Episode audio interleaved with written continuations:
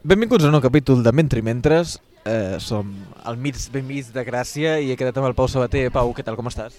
Hola, molt bé, gràcies per convidar-me.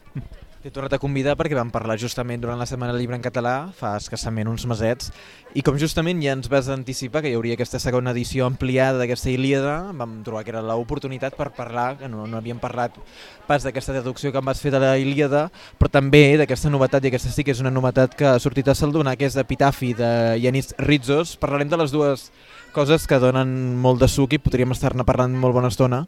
Per començar, jo et volia, per, per parlar de, estrictament de la Ilíada, ara et deu quedar una mica més lluny tot el que va ser aquesta odissea de traduir la Ilíada, però m'agradaria, d'alguna manera, com recordes també com va ser el procés, com va ser la publicació i una mica també com va anar aquest procés en general. Eh?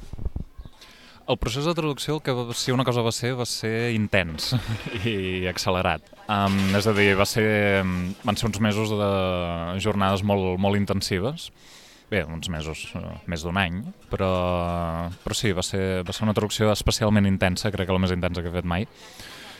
I, i la publicació mm, el que va ser és molt, uh, d'alguna manera, molt reconfortant, perquè de seguida va tenir molt, molt bona acollida, és a dir, me'n van arribar molt, bé, molt bones impressions de moltes bandes, i això sempre és una cosa que s'agraeix. Jo et volia preguntar, perquè ara que hem entrat en la idea de, del procés editorial, com va ser la figura, en aquest cas, de, va ser el primer volum de la Bernat Metge Universal, com va ser la, la relació amb el Roger Alusa, que també justament va dedicar la tesi a l'Odissea, al Raül Garriga Sait, i les correccions també del Jaume Coll. No sé fins a quin punt també ens pots dir com va anar una mica la cosa, perquè m'imagino que a part de trobar-te alguna tònica mal col·locada o alguna qüestió així, m'imagino que la cosa també té el seu punt també trepidant a nivell també de prendre decisions col·lectivament. Sí, l'experiència va ser molt bona, um, tant, tant amb el Raül com amb el Roger com amb en Jaume.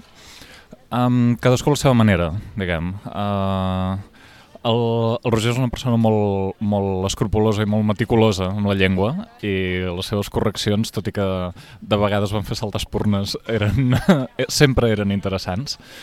Um, també perquè jo sóc molt cabut, eh? segons com uh, m'aferro molt a les meves decisions. Les d'en Jaume eren totes molt, molt encertades, és a dir, em va fer, em va fer poques, però molt, molt a propòsit. Um, I no només de tòniques, sinó de, de certs registres, certes paraules, la mena de sonoritat que podien aportar, la mena de to que podien donar al text. Uh, és a dir, que les, les traduccions del Jaume van ser molt... totes les vaig agrair molt.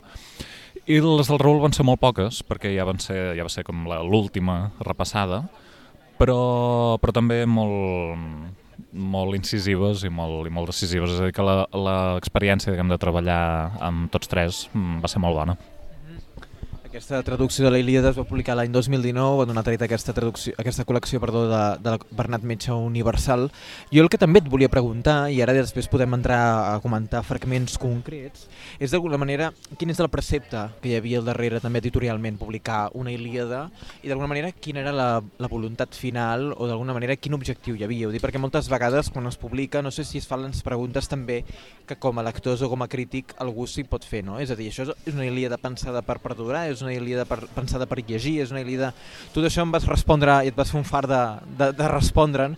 Vist amb el temps, m'imagino que el resultat és positiu i no sé fins a quin punt inclús ha sobrepassat també els límits del que podia ser la, la dimensió esperada, és a dir, fins a quin punt també això també pot ser un document per la gent que d'alguna manera des del punt de la filologia i l'estudi també l'estan aprofitant i llegint. Um, sí, és una pregunta difícil de respondre. Um, no sé ben bé si ha superat les expectatives perquè tampoc eh, no, no, no sabia ben bé com aniria la cosa, no? És a dir, se, uh, hauria estat una sorpresa que hagués passat el que hagués passat. Um, sí, que, sí que la intenció, si més no, era, bé, era fer una Ilíada per la nostra generació, per dir-ho així.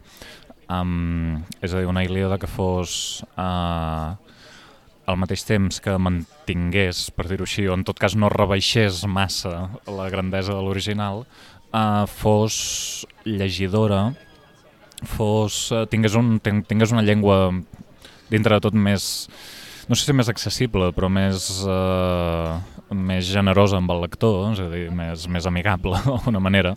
Uh, I en, uh, sí, no sé, no sé si, la, no sé si, si té aquesta ambició de futur, tampoc no pretén ser el que és l'Odissea de Riba en la, en la literatura catalana, crec que això seria impossible i, en fi, eh, desmesurat per part meva pretendre una cosa així. Però, però sí que bueno, la, la intenció que té és justament arribar, arribar al lector, al lector no, no especialista, al lector que senzillament vol, l'únic que vol és acostar-se a una gran obra de la literatura universal, sense haver de fer un esforç suplementari amb la traducció mateixa. No? Diguem que, que la transmissió de l'original sigui molt més directa. Aquesta és la... Jo diria que aquesta, des del meu punt de vista, i crec que des del punt de vista de l'editorial també, és al final la, la finalitat última d'aquesta Ilíada. Què, què, més, uh, què més pot sorgir a partir d'aquí? Doncs és una cosa que ja ho dirà el temps, suposo, i bé, ja et dic, serà, serà una sorpresa, vagi per on vagi. Fora de micro et deia que t'agafava com a exemple també de, a tall de generació una tentativa no? que pot ser com és que Pau Sabater no s'ha llegit tota la bibliografia sobre la Ilíada que existeix, com és que justament no, altres traductors treballeu des de una certa puresa que se'n podria considerar lingüística, filològica, i per, per tant no, eh, sembla que entri en col·lisió amb una concepció de que el traductor també ha de ser el, el gran hermeneuta vinculat amb, amb les grans formes de lectura que al segle XX i podem tirar enrere eh, ens van mostrar. No sé fins a quin punt doncs, la teva aproximació a la Ilíada ve de l'experiència d'haver-la conegut profundament i d'haver-la llegit i haver-la conegut, però sobretot també des d'una una passió pel, més per la qüestió lingüística que no pas per l'hermenèutica que n'ha generat anys i anys després. Sí, en realitat és, és un, un interès o una, una passió i una manera de treballar, sí, en, cer en certa manera no sé si dir pura o dir ingènua o dir temerària o fins i tot irresponsable a estones, que és més aviat acostar-se al text mateix. Uh, naturalment estem parlant d'un text de fa més de dos mil·lennis i mig, és a dir que uh, bé, hi ha coses que per força s'han de consultar amb tota mena de comentaris filològics, etc per saber exactament què està dient el text no? i de què està parlant, perquè no sempre és evident. Però, però també és veritat que no, no sóc gens... Eh, no sóc una persona de l'acadèmia, diguem, és a dir, que no, que no m'he llegit 50.000 llibres de tota la, tota la bibliografia secundària sobre d'estudis sobre la Ilíada, etc etc. I segurament no m'he llegit coses molt bàsiques eh, per, per arribar al text de la Ilíada, diguem. Um, però diria que això, a l'hora de traduir, tampoc no és tan necessari com això. És a dir, al final, si s'entén si, si el text, i, bueno, jo crec que més o menys l'he entès, en algun moment potser, potser no, potser m'he perdut, però també és veritat que no és un text obvi ni evident sempre, i en tot cas és un text molt interpretable, és a dir, que la, que la bibliografia pot aportar més interpretacions, però no necessàriament la interpretació que tu personalment et convenç com a, com a traductor. Doncs malgrat l'arbitrarietat que implica aquesta manera de llegir, també crec que és una manera de llegir que en pot sortir una traducció més interessant perquè al final l'accés de... tampoc l'accés, però l'amuntegament d'informació pot arribar a fer la traducció gairebé impossible, no? perquè si tens present totes les interpretacions d'un determinat passatge o d'un determinat vers, i com n'és d'arbitrari triar una d'aquestes interpretacions, um, jo crec que t'acabes bloquejant directament, no? O, o, o has de fer uh, cinc traduccions diferents, cinc versions diferents, com a mínim. Per tant, sí, al final és, uh, és una altra manera de treballar. No? Hi, ha, hi ha una manera, diguem-ne, més uh, acadèmica d'acostar-se als textos i n'hi ha una altra pues, que és més aviat uh, poètica o literària. Jo tendeixo més cap a aquesta. Um, ja dic, amb tota l'arbitrarietat que això pot suposar però que crec que és un... Uh, és un... com ho diríem? Uh, és un detriment que es pot que, que jo estic disposat a assumir per tal que en surti una traducció potser més interessant o més directa o més uh, literàriament interessant, crec, si, si, em puc, si em puc arrogar aquesta qualitat. Estem parlant amb el Pau Sabater d'aquesta traducció que va brindar l'any 2019 dins de la col·lecció de clàssics universals de la Bernat Metge. Uh, imagina't ara que estem a classe, Pau, i necessitem que ens facis una introducció a la qüestió de versificació que has pres com a decisions, però també les qüestions d'alguna manera, no? que manllevades i que la translació t'obligava tu a portar a aquest exàmetre, d'alguna manera tu sempre ho has explicat d'aquesta forma, no? les dues àtones que d'alguna manera servien per, per transformar o per, per traslladar a una qüestió més eh, que feia fàcil la recitació o feia fàcil l'explicació en català.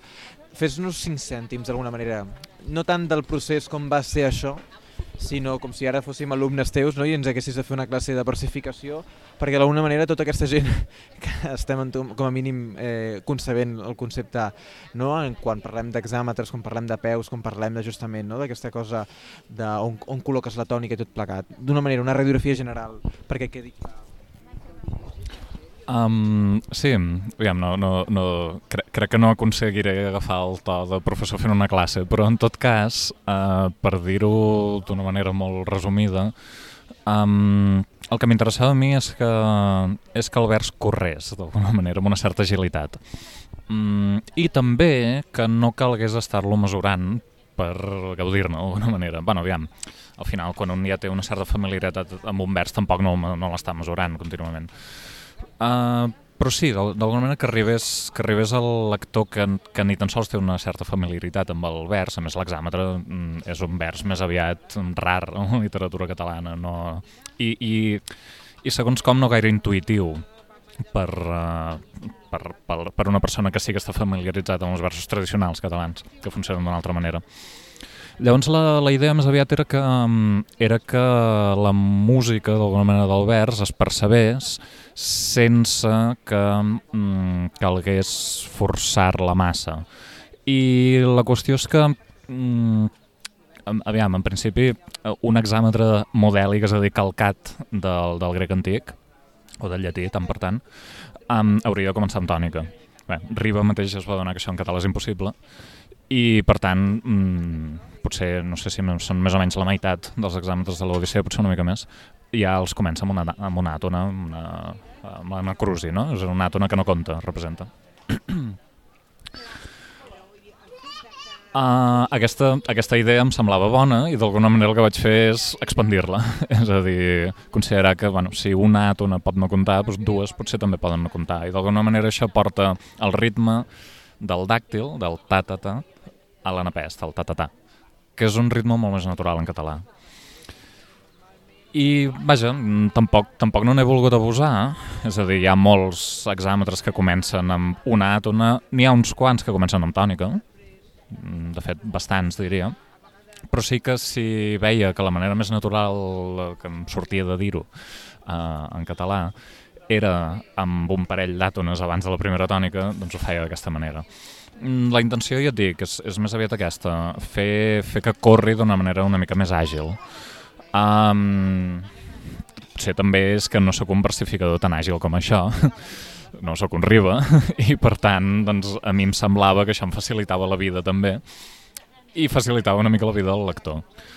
Um, bé, és una decisió com una altra. Um, a partir d'aquí, si funciona o no funciona, és una cosa que, que crec que la, la, la prova de la lectura és la definitiva. A mi no em sona malament, però, és clar, això ho ha de jutjar cada lector cada oïdor. No sé si podem entrar en detall i podem agafar... Jo justament he marcat però ja t'he dit, eh, des de l'excursió mateixa, agafa, sisplau, el, el volum i t'he marcat alguns cants i a vegades no, no sé si he marcat inclús alguna, algun fragment que podríem llegir-ne concretament, si no et convidaria a agafar els fragments que desitgessis, a vegades ho he agafat per una qüestió arbitrària o perquè creia que podíem agafar diferents registres de la teva traducció.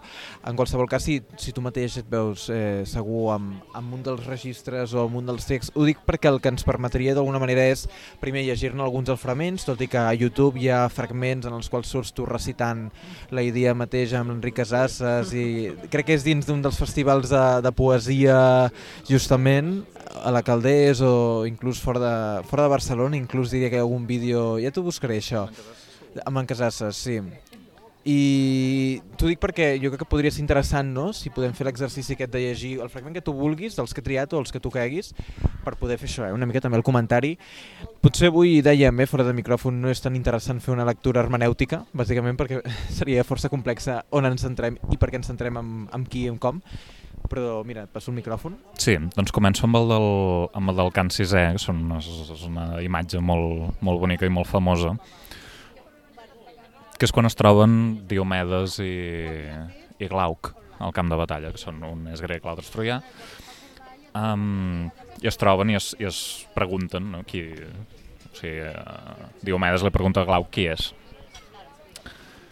I Glauc li respon Fill de Tideu, per què vols saber de quins homes vaig néixer? Com neixen les fulles dels arbres, neixen així també els homes. Les fulles, el vent les escampa per terra i en fa brotar d'altres al bosc esponerós, a l'època que és primavera. Així mateix neixen els homes, uns broten i els altres s'acaben. Aquest és un passatge justament famós i que de fet va ser reprès unes quantes vegades en la literatura grega antiga, posterior a Homer. Sí, això és el can 11, quan eh, Agamemnon té la aristia, que se'n diu en grec, és a dir, el moment d'excel·lència, excel·lència vol dir que comença a matar molta gent, en plan, en plan pel·li de Tarantino. I diu, ara digueu-me, muses, que teniu a l'Olim les estances, qui va ser el primer que va encarar-se Agamemnon, dels troians o dels aliats, que lluny n'arriba la fama? I Fidaman, fill d'Antènor, que era molt gran i molt noble, i va créixer a Tràcia, que fa bons terrossos, mare d'ovelles. De petit el crià al seu casal el seu avi matern, que era Cisses, el pare de sa mare Teano de Galtes Boniques. Quan va arribar a la mesura de la joventut gloriosa, el va retenir a casa seva i va donar-li la filla, i de la cambra nupcial se'n va anar on se sentia la fama dels fets dels aqueus, amb dotze ganxudes naus que els seguien. I ara, la part del cant 12... Sí, això és el... Abans hem, abans hem vist Glauc, que és un capdill, de fet no troià, eh, he dit que era troià, no, no, no és troià, és lici, és a dir, que és del sud de l'Àsia Menor, Troia és al nord-oest. És un aliat dels troians, els licis són aliats dels troians, um, que els, els hi defensen la, la ciutat amb un, amb un contingent de tropes, i els comandants dels licis són Glauc i Sarpèdon, que són cosins. I hi ha un moment que enmig del, del combat, eh, Glauc i Sarpèdon es eh, parlen l'un amb l'altre, i llavors Sarpèdon li diu a Glauc, recordem, els dos són, són capdills, són gent eh, molt privilegiada en la seva societat. I Sarpèdon li diu a Glauc que bé, li, li planteja d'alguna manera els, els motius, la justificació d'aquest privilegi. I diu, Glauc, com és que tots dos tenim més honor que cap altre, amb el lloc on seiem, amb les carns i també amb les copes ben plenes, i ens veuen tots com si fóssim déus a la terra d'Alícia, i tenim assignat un tros molt gran, un tros per plantar-hi, s'entén, un camps, un tros molt gran a les ribes dels Xantos, plantat de fruiters i amb bona terra bladera de llaura, perdó, plantat de fruiters i amb bona terra bladera llaurada, per això ara cal que siguem a primera fila amb els licis, plantant cara com ells i enfrontant-nos també a la batalla que crema, perquè digui així qualsevol dels licis que s'armen amb traça. No és pas mancats de fama que capitanegen l'Alícia, els nostres reis, i que mengen ovelles grasses i veuen un vi escollit que és dolç com la mel, que també tenen força i noblesa, perquè combaten a primera fila amb els licis. Amic, li diu el Serpèdon a Glauc, el cosí, el cosí. Amic, si tan bon punt fugíssim d'aquesta batalla, haguéssim de viure per sempre lliures de mort i bellesa, ni jo mateix no aniria a primera fila a combatre, ni t'enviaria la lluita que fa gloriosos els homes. Ara bé, com que sigui com sigui, les morts les tenim damunt nostre i en tenim de mil lleis, que un mortal no les pot defugir ni evitar-les, anem, que o bé donarem o bé ens donaran molta glòria. Molta glòria. Pau, hem fet aquesta lectura justament també per exemplificar la classe que ens has fet eh, breument. Jo ara et passo aquest epitafi. Jo, aquí t'he marcat sí, dos fragments, he ficat ara al punt de llibre que justament he trobat Justament aquí, abans de llegir-lo, si et sembla bé, m'agradaria qüestionar o, o, o posar en context perquè fas un uh, pròleg extraordinari per explicar la dimensió pietosa, en aquest cas, d'aquest text de Rizzos, justament un autor que coneixem força perquè s'ha portat al teatre, perquè s'ha traduït constantment. A mi m'agradaria perquè justament parles també eh, de, de l'atenció en considerar-ho epitafi, no sé què, per, per portar-lo a, a una dimensió perquè la gent ho entengui, quin és el context d'aquest epitafi en, en, en grec, és a dir, què entenem per l'epitafi, que vol dir en aquest cas ritzos, i quins són els dubtes que et genera tu traduir-ho per epitafi o inclús per estabat mater, i després si ens pots llegir aquests dos fragments ja serà per concloure l'entrevista. Sí, el nom epitafi en realitat és Uh, diguem, que, diguem que és una mica enganyós en català, perquè un epitafi per nosaltres és la inscripció d'una tomba. Um, en grec no, en grec és una altra cosa. Uh, epitafios uh, vol dir, etimològicament vol dir literalment mm, damunt de la tomba, no? és un adjectiu, és alguna cosa que es fa damunt, de, damunt o al costat o a tocar d'una tomba. Um, i, en el, I en el cas de la, de la cultura grega moderna, diguem, d'arrel uh, cristiana ortodoxa, l'epitafi, uh, epitafios, uh, en tot cas en grec, és un és, és l'element, en realitat, en la traducció, en la tradició ortodoxa de, de Maria per, per, per Jesús, no? pel, pel fill que li han mort. I, I a més a més és un objecte també, la, és, és la processó del divendres sant i és, i és un objecte que s'exposa a les esglésies eh, el divendres sant, que és una taula de fusta, eh, normalment amb alguna, amb alguna icona o algun relleu que representa el Crist jacent, no necessàriament, de vegades només és la, és la fusta i prou, Ah, que, que, es, uh, que s'omple de flors, està tot ple de flors pel damunt. I en tot cas remet a uh, aquest uh, plor de Maria pel seu fill, mort. Uh, I mort, mort jove, mort abans d'hora. Ritsos, que no era pas un poeta religiós, ben al contrari, era comunista un comunista convençut i per tant ateu, agafa aquests, uh, aquest element de la tradició popular cristiana i el fa servir per, uh, per il·lustrar un fet recent, de fet un fet que, que ell va uh, contemporani seu, que va ser, um, van ser unes manifestacions a Tessalònica, una, unes vagues d'obrers, que van acabar doncs, amb, amb, uh, amb tirotejos de la, de la, o sigui, amb la gendarmeria obrint foc contra els manifestants i matant uh, uns quants, entre els quals un jove, ara no, ara no recordo l'edat, però eren 20 i pocs, era abans de la trentena, potser eren 24 anys, que eh, bé, el, van, el van treure diguem, del, del carrer on l'havien matat, l'havien portat en un carrer del costat, i sa mare, que també estava per allà, per allà a prop, el va, doncs el, el, el van a trobar, van a trobar el cadàver del seu fill i a plorar-lo allà mateix, i un fotògraf del diari El Partit Comunista, el Resos Pastis, va, va agafar aquest, uh, va capturar aquest moment i el, el diari de l'endemà va sortir aquesta foto. I Ritsos, que era Atenes, no era Tessalònica, la va veure.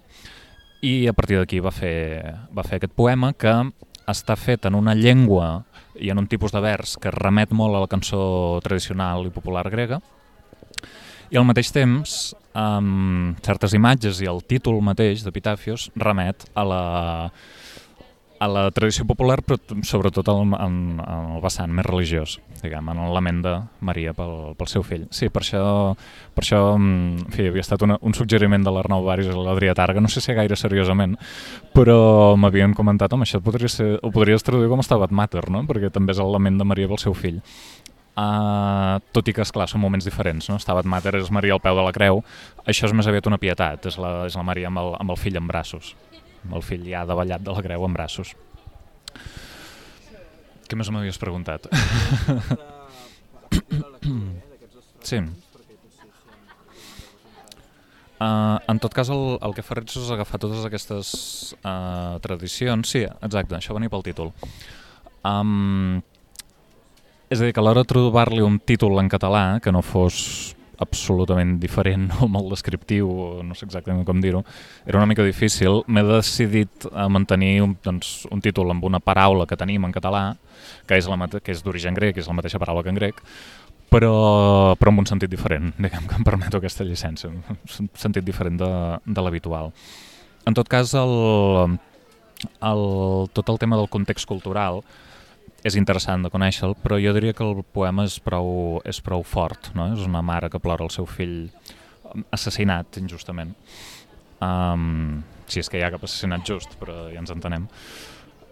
I, i crec que justament aquest és, aquest és l'interès que, té, que té el poema, a banda de ser una mena de poesia política jo crec que especialment ben feta. No? La poesia política de vegades és fàcil que caigui en el pamflet i, i, i que descuidi una mica la, la qualitat literària, no és el cas, no és el cas d'aquest poema.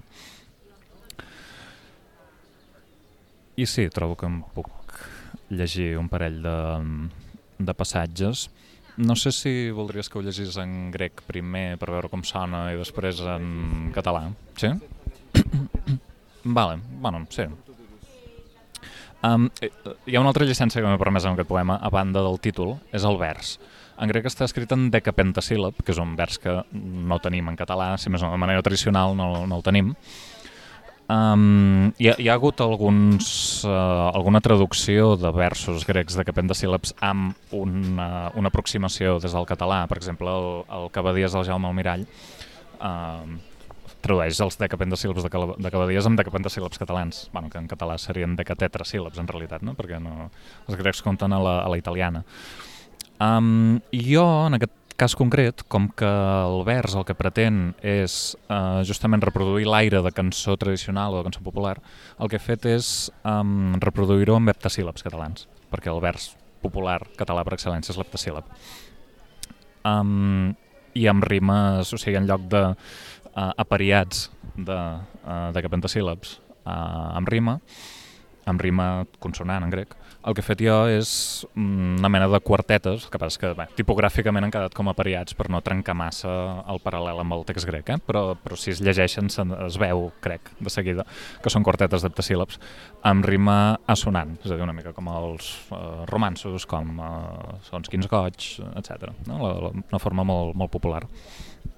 I sí, jo crec que puc llegir és interessant llegir l'original per veure com sona i la traducció meva uh, per veure com més o menys he intentat reproduir aquesta sonoritat popular i aquest, i aquest efecte de la rima.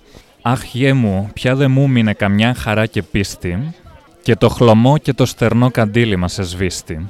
Ai, fill meu, a mi no em queda ni cap joia ni cap fe i de l'última candela se me n'ha apagat el ble.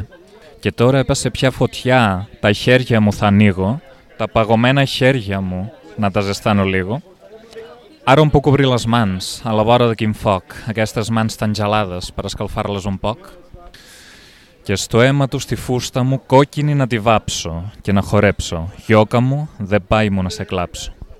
I amb la sang jo la faldilla tota roja em vull tenyir i ballar-hi. Fillet meu, plorar-te no fa per mi. Moltes gràcies, Pau, per haver comentat aquest Ritzos també amb nosaltres, que és una d'aquestes novetats. Jo només et volia fer una última pregunta que te la fa l'Ernest Marcos en l'últim programa, o que la reflexiona, que és uh, si realment, i et demanaré una resposta d'aquestes breus eh, que diuen els exàmens, si real, realment eh, Kazantzakis és una persona que el seu estil està tan qüestionat per la seva qüestió lingüística a Grècia. Ens ho deia l'Ernest Marcos, que està en un punt de qüestionament per, pels idiomàtics eh, cretaencs i tot plegat. No sé fins a quin punt tu també deus conèixer una mica la situació i ens pots fer res, una pinzellada gran.